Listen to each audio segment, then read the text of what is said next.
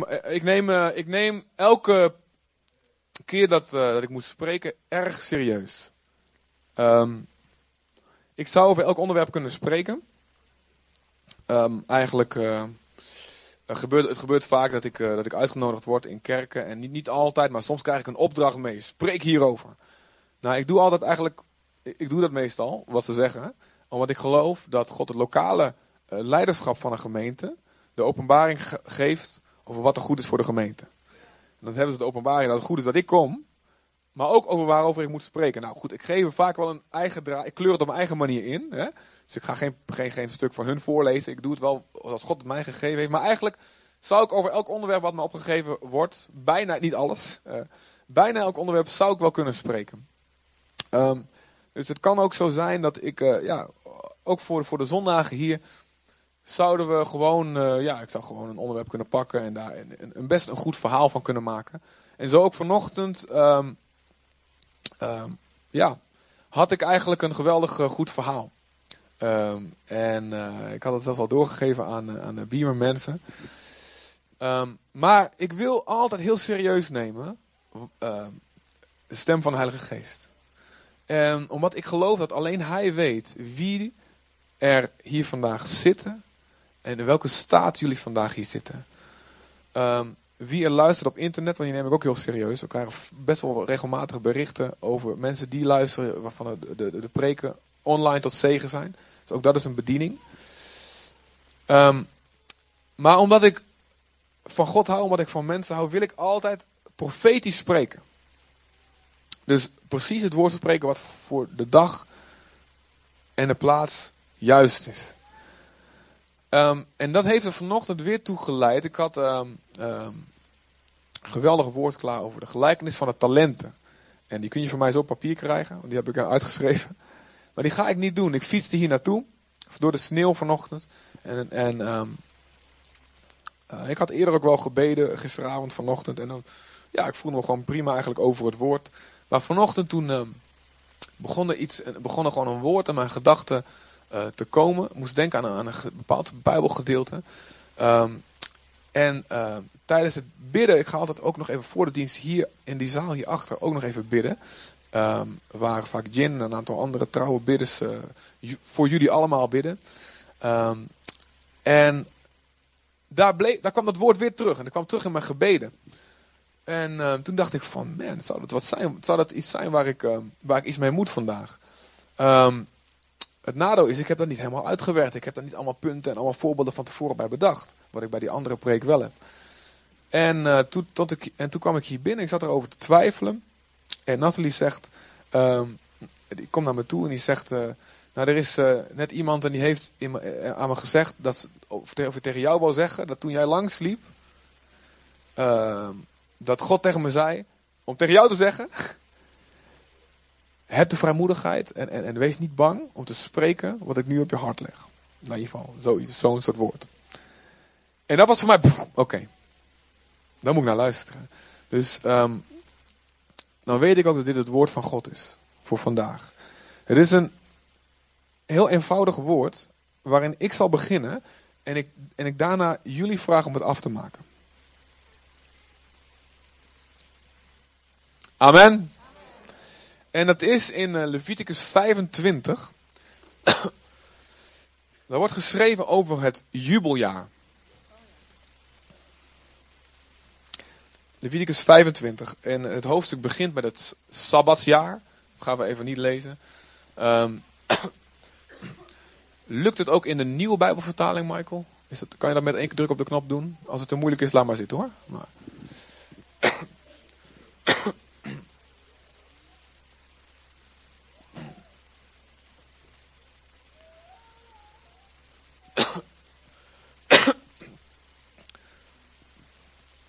Ehm, in het oude Israël had ieder, iedere familie zijn eigen stuk grond. Tenminste, zo begonnen ze.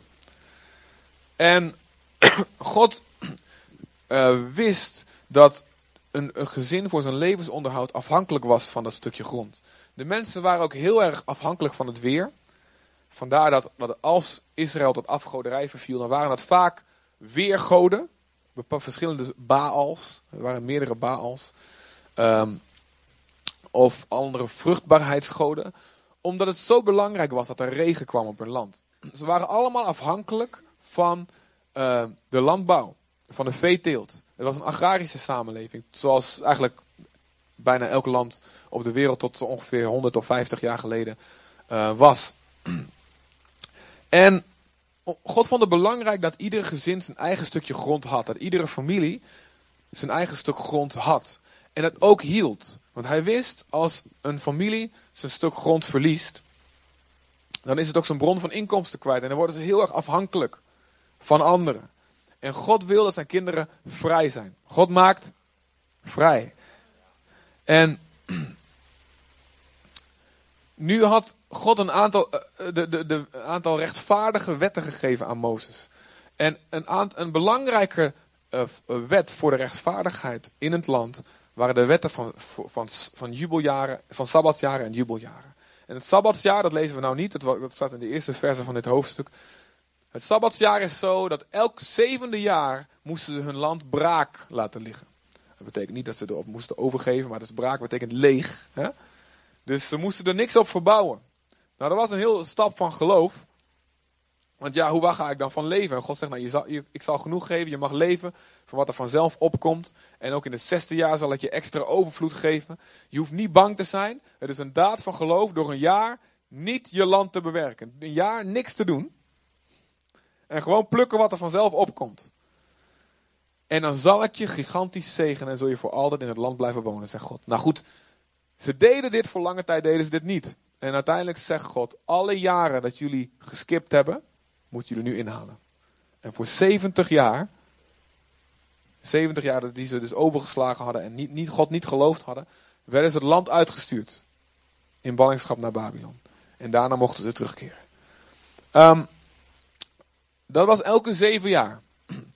Na zeven keer zeven jaar kwam daar een speciaal jaar.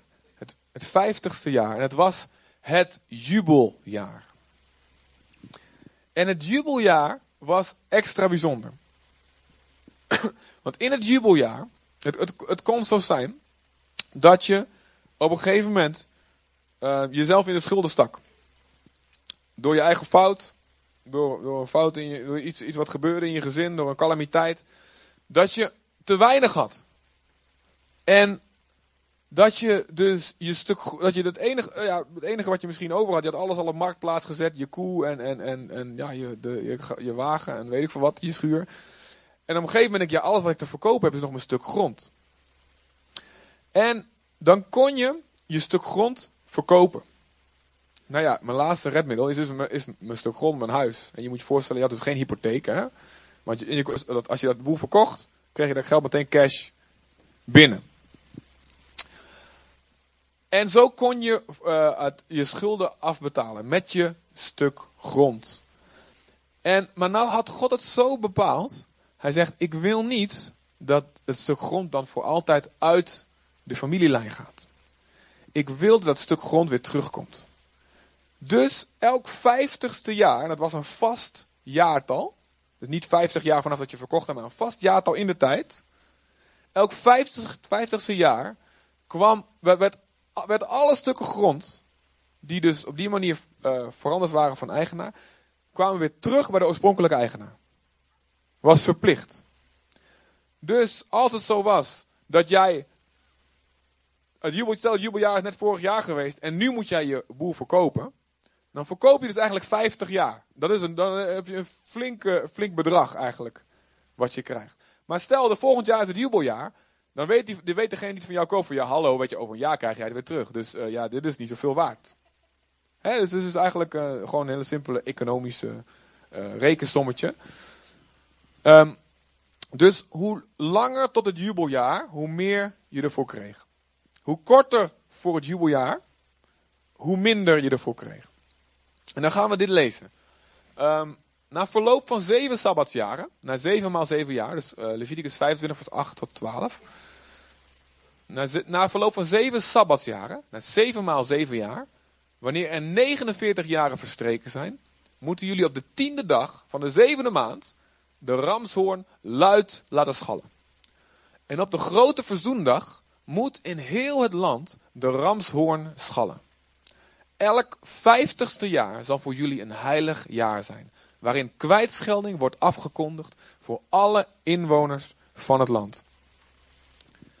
Dit is het jubeljaar, waarin ieder naar zijn eigen grond en zijn eigen familie kan terugkeren. Elk vijftigste jaar zal voor jullie een jubeljaar zijn. Je mag dan niet zaaien, het koren dat vanzelf opkomt, niet als oogst binnenhalen en niet de druivenoogsten van je ongesnoeide wijnstokken. Het is een jubeljaar dat als heilig beschouwd moet worden. Jullie zullen dat jaar leven van wat er vanzelf opkomt. Nou, nu lezen we uh, vanaf, uh, een stukje vanaf vers 23 tot 28. Hebben jullie achterin groot genoeg ogen om dit te kunnen lezen? Land mag nooit verkocht worden, alleen verpand. Want het land behoort mij toe. En jullie zijn slechts vreemdelingen die bij mij te gast zijn. In heel jullie land moet voor grond altijd het lossingsrecht blijven gelden. Wanneer een van jullie tot armoede vervalt en een deel van zijn grond moet verpanden, dan kan zijn losser, zijn naaste verwant, zich aanmelden om het pand voor hem in te lossen. Dus een familielid kon namens jou zeggen van oké, je moet de boel verkopen. Weet je wat, ik sta garant voor hem. Zodat, je, dat, zodat het binnen de familie blijft. Gebeurt dat niet, maar beschikt hij na verloop van tijd zelf over voldoende middelen om het pand in te lossen. Dan moet hij nagaan hoeveel jaar het verpand is geweest en het resterende deel van het oorspronkelijke bedrag terugbetalen aan degene aan wie hij het verpand had. Dan kan hij naar zijn eigen grond terugkeren. Vindt hij niet voldoende middelen om het pand in te lossen, dan blijft het tot aan het jubeljaar in de handen van de pandnemer. Maar in het jubeljaar valt het aan hem terug en kan hij naar zijn eigen grond terugkeren. Dus, in het jubeljaar krijg je sowieso terug wat jou toebehoort. Als je door je eigen schuld bent kwijtgeraakt, in het jubeljaar krijg je het sowieso terug. Maar als je voor die tijd genoeg hebt, of via iemand anders die jou helpt, een familielid, een broer of een zus, of dat je zelf voldoende middelen hebt, dan kun je het voor het jubeljaar komt terugkopen. Ja? Oké. Het jubeljaar is de komst van Jezus. Amen. Als Jezus komt, gaat alles terug naar de oorspronkelijke eigenaar. En de oorspronkelijke eigenaar van alles is de schepper. Als, het als Jezus komt, wordt alles goed. Toch? Er staat in openbaring, als Jezus komt, wordt elke traan gedroogd van, van elke wang. Als, als Jezus komt, dan zal er vrede komen, totale vrede komen op aarde. Elk hart zal genezen worden. Elk lichaam zal genezen worden. Halleluja. Amen. Elke, elke, elke, alles wat verstoord is en alles wat verward is in ons denken, zal hersteld worden. En we zullen de dingen zien zoals ze echt zijn. De duivel zal gebonden zijn in de eerste duizend jaar en daarna zal hij helemaal naar de achtergrond. Nee, ja, moet ik dat zeggen? Nee, nee, nog, nog heftiger. Zal hij helemaal afgemaakt zijn. In het jubeljaar, als Jezus komt, alles wat je kan voorstellen, wat goed kan komen, komt dan goed. Alles wat wij als mensen zijn kwijtgeraakt door onze schuld en wat we hebben moeten weggeven aan Satan en de machten van de duisternis, elk terrein wat we hebben moeten prijsgeven, wat eigenlijk aan God toebehoort, zal dan terugkomen. Elke belofte van God zal ingelost worden. Amen. Want wie garandeert ons? Want het woord van God garandeert ons dat dit zo zal zijn. En we denken dat we dit allemaal geloven. Ja toch? We geloven allemaal. Iedereen die hier zit en die, die relatie met God heeft. Wij geloven allemaal als hij komt. Dan hoeven we niet nog gaan zitten zorgen, hoe zitten maken van nou, ja, fijn dat Jezus terugkomt, maar ik moet nog wel mijn hypotheek aan betalen. En hoe gaat het met die rente en al die dingen. Daar gaan we niet zorgen over maken. Ja toch? Is er iemand die dan, dan kan ik dat bij deze wegnemen. Eh, Elke ziekte, elke demonische onderdrukking, elk probleem, alles. Elk stuk verwonding in je hart, waardoor je dingen nu niet goed kan zien en goed kan. Alles zal genezen worden. Elk gevolg van de zonde van je voorouders en van jezelf zal totaal verdwijnen. Amen. Wie wordt daar blij van? Even serieus. Wie wordt daar nog blijer van? En wie wordt daar het allerblijst van? Oké, goed zo. Heel fijn. Nou, ik ben een cursus aan het volgen. Hoe krijg je Nederlanders op de banken? Ja. Dus um, gaat goed, gaat goed. Jullie doen het goed. Um, Jezus is de garantie voor elke belofte die vervuld wordt. Maar nu staat er hier. Nu staat er hier iets heel interessants. En toen ik dit las, ik was er gewoon aan het lezen, een paar maanden geleden. En ik voel gewoon, boem. Soms voel je iets in je buik of iets in je, ik weet niet, dan voel je, wow, wauw, wauw. Er staat hier dat het mogelijk is, voordat het jubeljaar komt, dingen weer terug te krijgen. Luister, uh, we, geloven nog steeds, de uiteindelijke vervulling kan alleen komen als hij komt. Ja, dus er zijn geen nieuwe leer aan het vervullen van, ja, Jezus komt nu en alles nu. Nee. Maar er staat hier dat als je door middel van hulp van een losser van iemand anders, of als je zelf voldoende middelen hebt, als je al terug kan dat je, als je, als, als je dan voldoende middelen hebt, dus door middel van hulp, of door je eigen middelen, dat je nu kan gaan en zeggen: hé, hey, eigenlijk, ja, ik weet, we moeten wachten tot het jubeljaar komt, maar ik heb nu genoeg. Geef mij terug wat mij toekomt. Ik, ik, ik weet niet of jullie snappen wat ik, wat, ik bedoel, wat ik bedoel te zeggen hier. Het is dus mogelijk, voordat Jezus komt, dingen terug te eisen die eigenlijk nu nog niet terug horen te komen. Als een voorproefje van het koninkrijk wat komen gaat. Luister, wij leven in een spanning, het veld tussen het koninkrijk wat nog gaat komen en maar Jezus zegt ook, het koninkrijk is al gekomen. Jezus zegt allebei de dingen, zegt hij in de evangelie. Jezus zegt, het koninkrijk gaat komen, het koninkrijk gaat komen, het gaat komen, het gaat komen. En tegelijkertijd zegt hij, het is gekomen, het is gekomen, het is gekomen. En allebei die dingen, die, die spreekt God door elkaar heen. Ik denk, wat is het nou?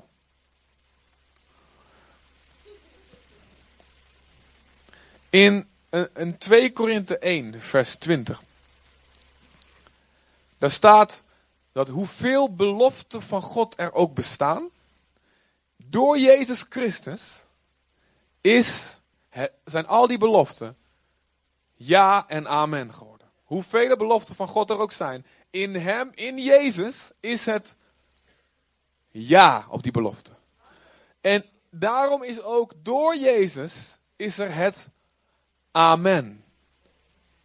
Tot eer van God, niet van, tot eer van onszelf, tot eer van God door ons.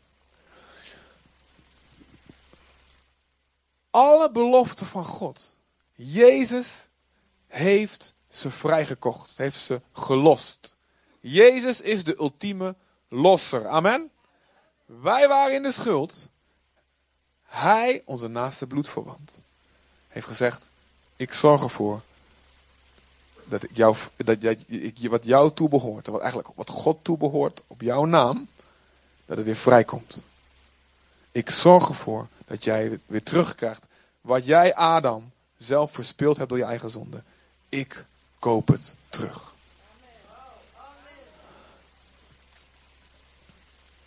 En God zegt, door geloof, voor wie gelooft, zijn alle dingen mogelijk. Amen. Dit zegt Jezus.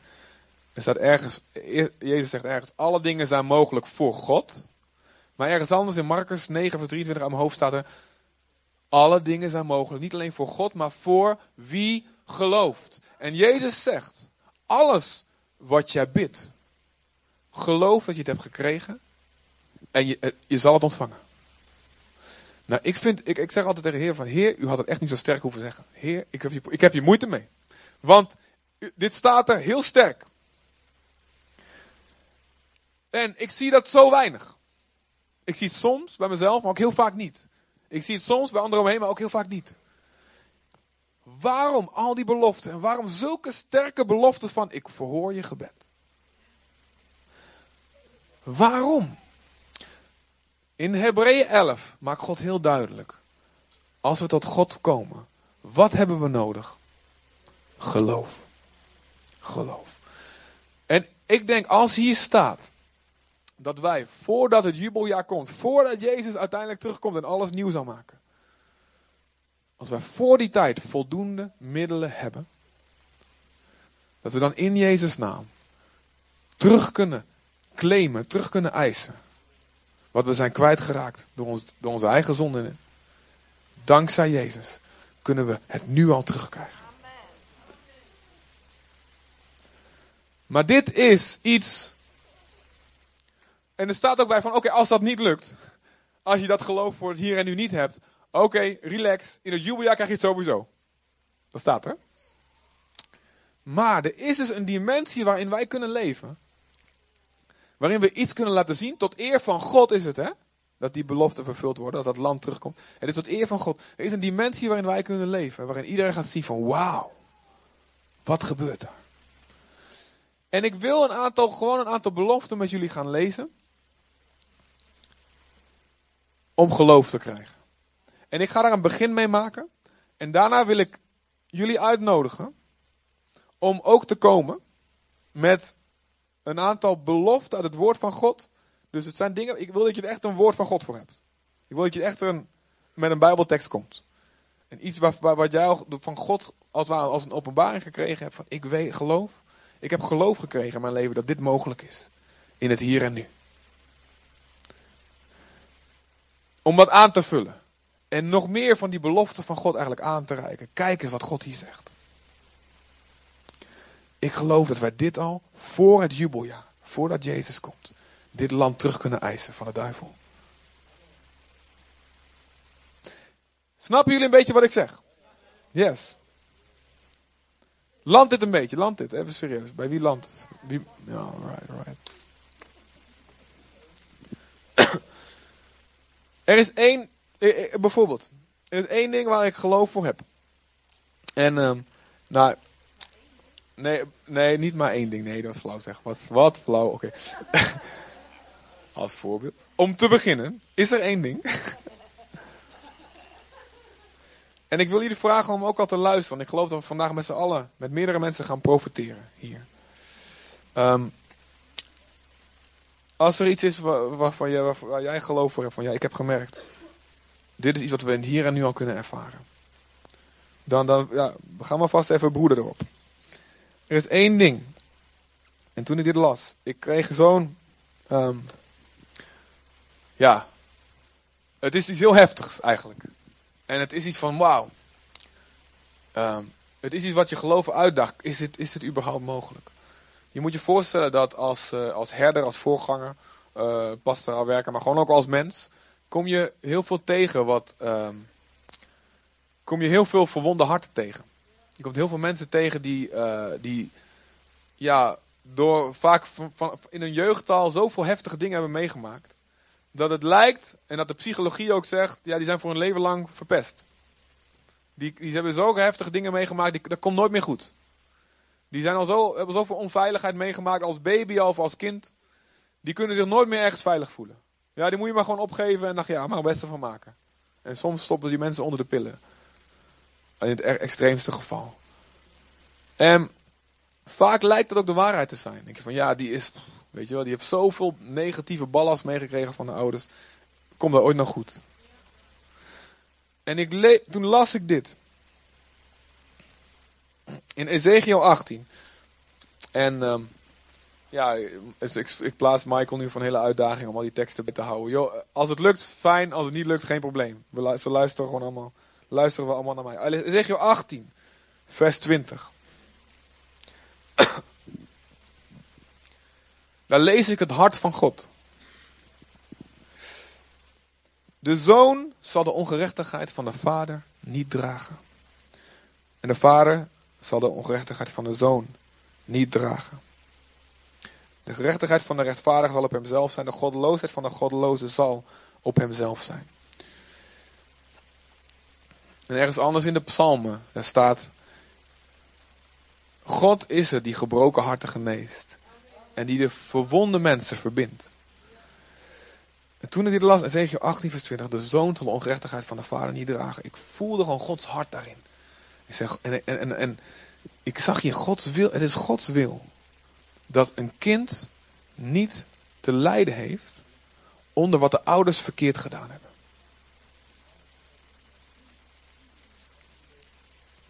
In Jezus, alle beloften zijn in Jezus. Heel duidelijk.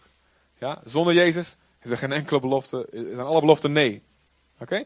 In Jezus wil God herstellen alles wat misgegaan is. Zelfs de meest hopeloze gevallen. Luister, kost dat strijd? Jazeker. Misschien wel heel erg veel.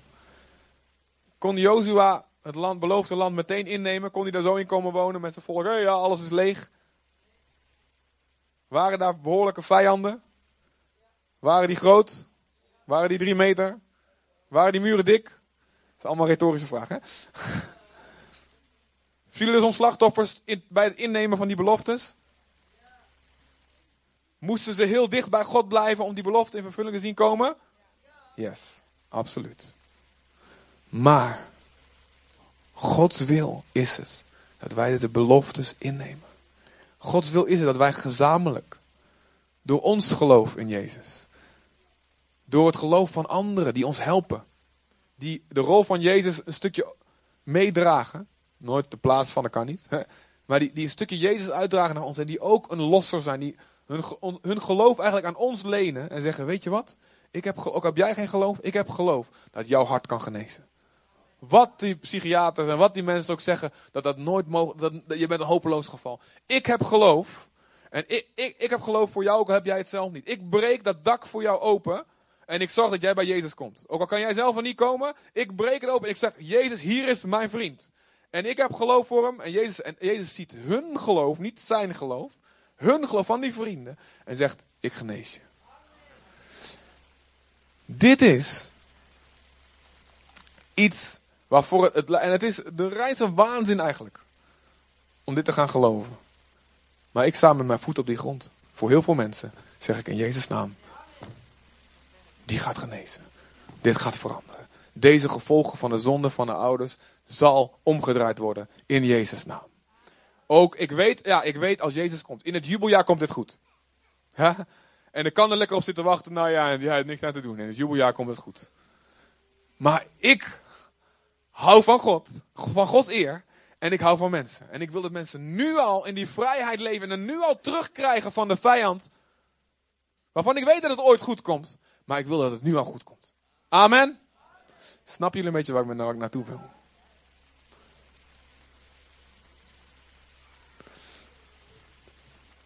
Wie heeft nog meer woorden van geloof? Heb je een woord? Heb je een Bijbeltekst erbij? Lees hem voor.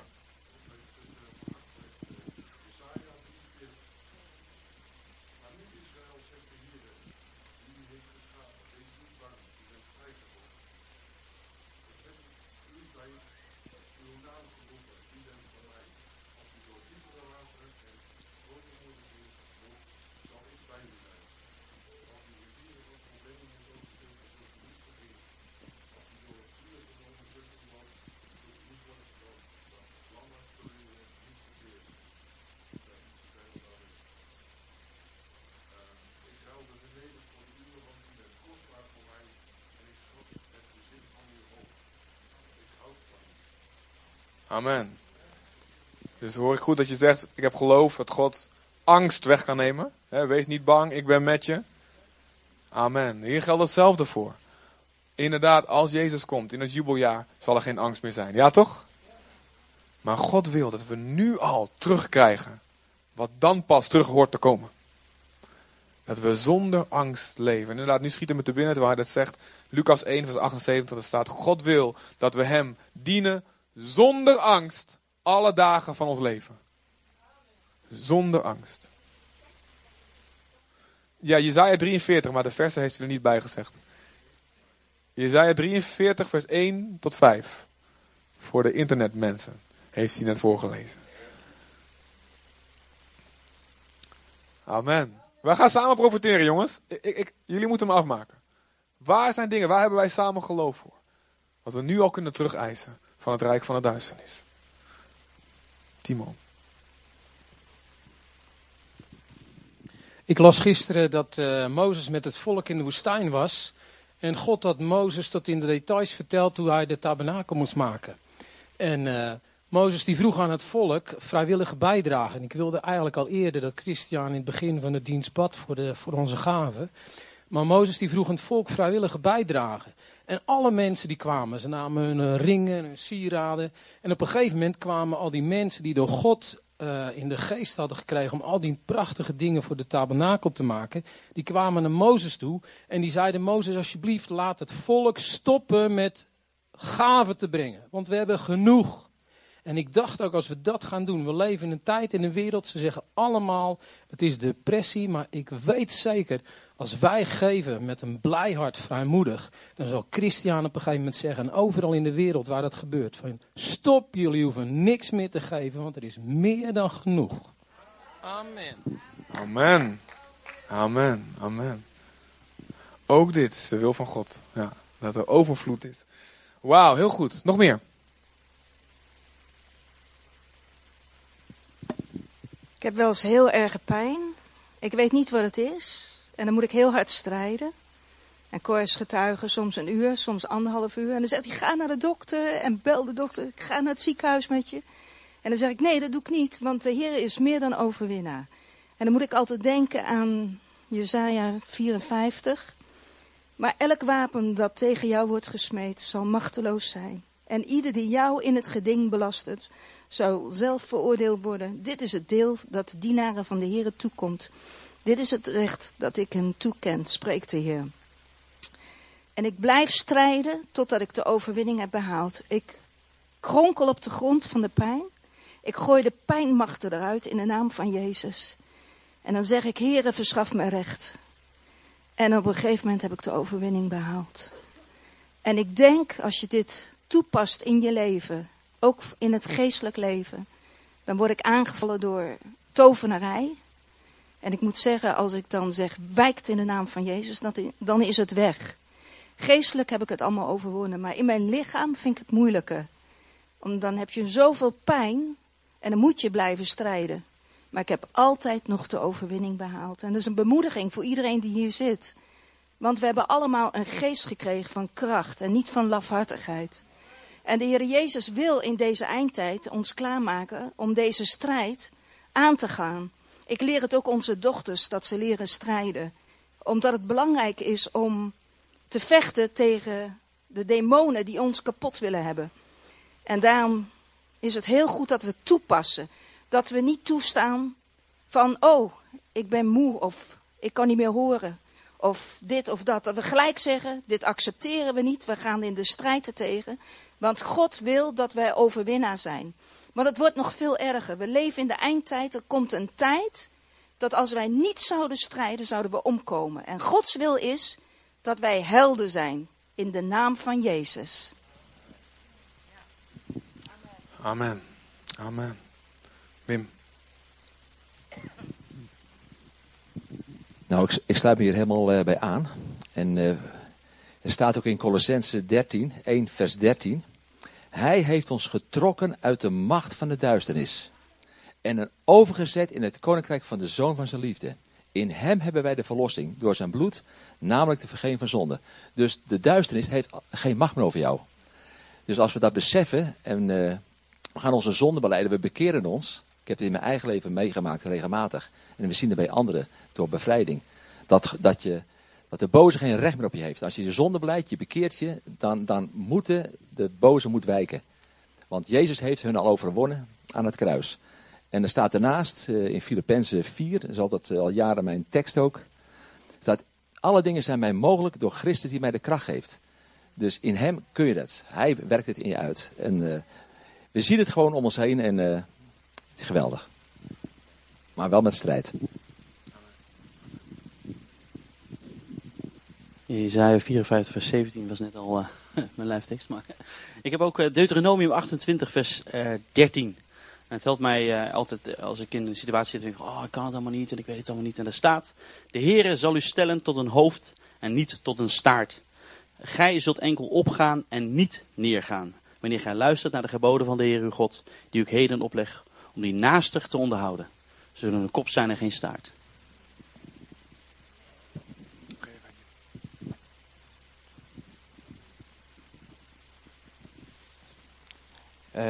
Jesaja 53, vers 4, 5 en 6.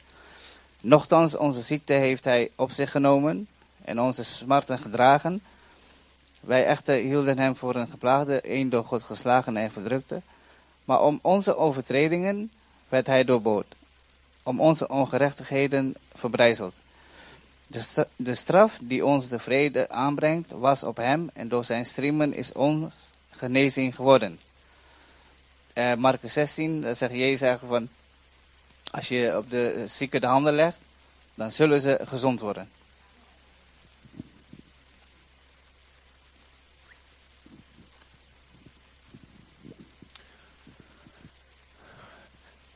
Ja, ja ik denk, er zijn, ik zie er nog een paar handen, maar ik, ik denk, laten het even hierbij.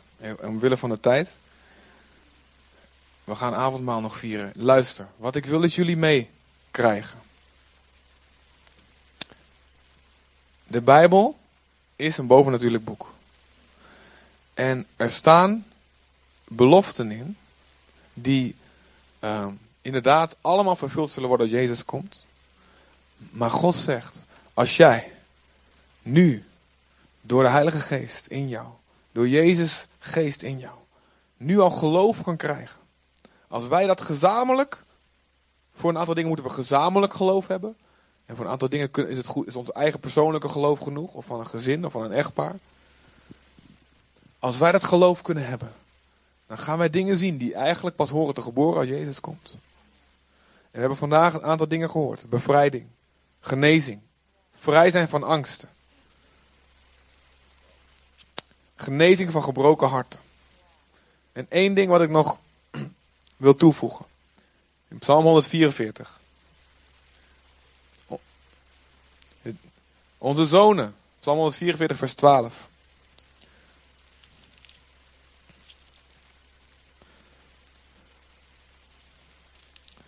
dit is een gebed. David die bidt: God, geef aan uw gezalfde, geef aan uw koning de overwinning. Wie is de koning van God? Wie is Gods gezalfde? Jezus. En wie zijn er in Jezus? Wij. Dus als Jezus de overwinning heeft, dan hebben. Dus, en als God die overwinning geeft, dan staat er, Psalm 144. Dan zullen onze zonen zijn als jonge planten, in hun jeugd met liefde verzorgd, of hoog opgegroeid in hun jeugd. Dus dit is iets wat God wil voor kinderen. Dat ze goed verzorgd zijn met liefde. En in een andere vertaling staat hoog opgroeien in hun jeugd. Dat er dus geen enkel kind in deze gemeente, in onze gezinnen zal zijn, wat zonder liefde opgroeit. En wat niet al heel sterk en hoog opgroeit door die omgeving van Gods liefde. En door het woord en door de geest en wat er nu gebeurt in deze zalen hiernaast. Dat geen enkel kind dat, alle kinderen dit zullen meemaken. En dat het onze dochters zullen zijn. Als de hoekzuilen van een paleis. Sierlijk gesneden. En er staat een andere vertaling. Ge, uh, uitgesneden naar het ontwerp van een paleis. Oftewel dat ze weten dat, dat, dat, dat, dat de meisjes, dat onze dochters, opgroeien met een besef: ik hoor thuis in een paleis. Waardoor ze geen enkele behoefte hebben om mee te gaan met een of andere rare kerel die een allemaal mooie beloftes doet. Om uiteindelijk in een of andere varkenstal te gaan eindigen. Nee, uh, uh, uh, ik hoor in een paleis. Dus ik word koninklijk behandeld. Amen, dames? Dit bid ik, ik bid het uit voor mijn zoon, voor mijn dochter. En voor de nummer drie die eraan komt. Halleluja. Yes. En dit wil God voor ons allemaal. En we kunnen zeggen, ja, ja, ja. In, als Jezus komt, in het jubeljaar, dan, ja, dan is onze eigen waarde sterk. Dan zijn we hoog opgegroeid. Dan zijn we genezen. Ja, amen, amen. En als je nu er niet geloof voor hebt, oké, het gebeurt toch. Als Jezus komt, gebeurt het. Wees niet bang. Maar God zegt, als je geloof hebt, kan je het nu al terugkrijgen. Amen. En kan deze hele gemeente, iedereen het terugkrijgen. En dan gaat dit verder, die psalm. En dan staat er, ehm, vers 13. We gaan even door tot aan vers 15. 13 tot 15. Even applaus voor Michael, jongens. Die is echt veel flexibel vandaag. Yes. Ehm, Oeh, dat is, ja, bent per ongeluk naar 145 gesprongen. Ehm, nou, weet je wat? Luister maar naar mij. Doe het scherm maar uit, Michael. Kom goed. Ja, is goed gedaan, Michael. Hartstikke goed. Dan zijn onze schuren vol. En leveren zij de ene voorraad naar de ander. Wie heeft er allemaal schuur? Mijn schuur is ook vol, maar dan met de oude, oude fietsen en zo. Daar gaat het dus niet om, hè, dat je allemaal rommel in je schuur hebt staan. Waar gaat het om? Dat er overvloed is. En ik geloof, ja, al zie ik het zelf ook nog niet altijd. Financieel overvloed, jazeker. Maar overvloed in alle opzichten. Overvloed aan blijdschap, zodat we hebben om uit te delen. Overvloed aan talenten, aan relaties. Overvloed aan genezing. Overvloed aan genezing van hart. Zodat we, maar ook dus materieel en financieel. Zodat we kunnen uitdelen en als er iemand in nood heeft, dat we kunnen zeggen, hé, hey, ik heb een hele voorraad daarvan, van wat jij nodig hebt. Kom. God wil dit. Dit is een gebed wat God zelf bewust in de Bijbel gezet heeft. Bid dit alsjeblieft mensen, want ik wil dit geven. Niet pas in het jubeljaar. In het jubeljaar hebben we genoeg. Amen. Dan pakken we een gouden straatsteen. En we hebben weer. Ja. Maar God wil dit nu voor ons.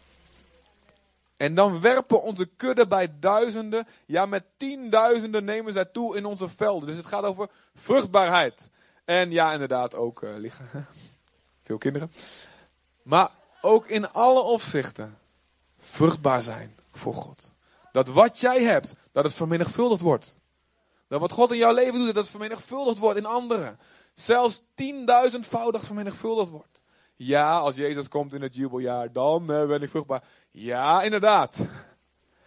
Maar nu, maar nu, voor wie gelooft? Voor wie gelooft? Dan zijn onze runderen zwaar beladen. Nou, dan gaat het niet over dat je auto bezwijkt onder het gewicht en, en al die dingen. Daar gaat het. Maar ook weer spreekt dat weer over de overvloed. En dan wordt er geen inval of uitval gedaan in onze stad. Oftewel, de vijand kan onze stad niet binnenkomen. Er is totale bescherming, er is eenheid. De duivel kan ons niet aanraken. En we zullen een kop zijn en geen staart. En er is er geen gejammer op onze pleinen. God die de tranen afveegt, die de harten geneest. Welzalig het volk dat het zo vergaat. Welzalig het volk waarvan de Heer zijn God is. Gezegend leef als het jullie zo vergaat. Gezegend leef Zutphen. Als deze God jullie God is. Als door Jezus Christus deze belofte niet alleen in het jubeljaar, maar nu al vrijgekocht zullen worden. Doordat wij hem geloven. We gaan avondmaal nemen met elkaar. En het avondmaal is een daad van geloof. En ik geloof. En ik denk dat we samen mogen geloven. Dat door deel te nemen aan het avondmaal. Door deel te nemen aan, aan het lichaam en aan het bloed van Jezus. Dat er geloof komt in ons hart. Om deze belofte te zien komen. En wij, laten we samen bidden. Vader, ik bid u. Wij bidden u samen. Dat als wij dit doen, vader. Als wij deel hebben aan uw lichaam. Als wij verklaren en proclameren in de geestelijke wereld door het nemen van een avondmaal. Dat uw bloed in ons bloed gevloeid is. Dat uw bloed ons schoonmaakt van zonde. Dat uw bloed betaalt wat wij eigenlijk zelf hadden moeten betalen. Omdat wij schuldig stonden voor u.